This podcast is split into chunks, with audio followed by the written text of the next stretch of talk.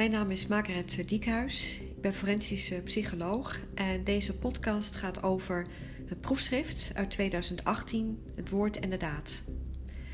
En daarvoor wil ik jullie eerst eh, meenemen in 2009. Want op dat moment was ik in New York.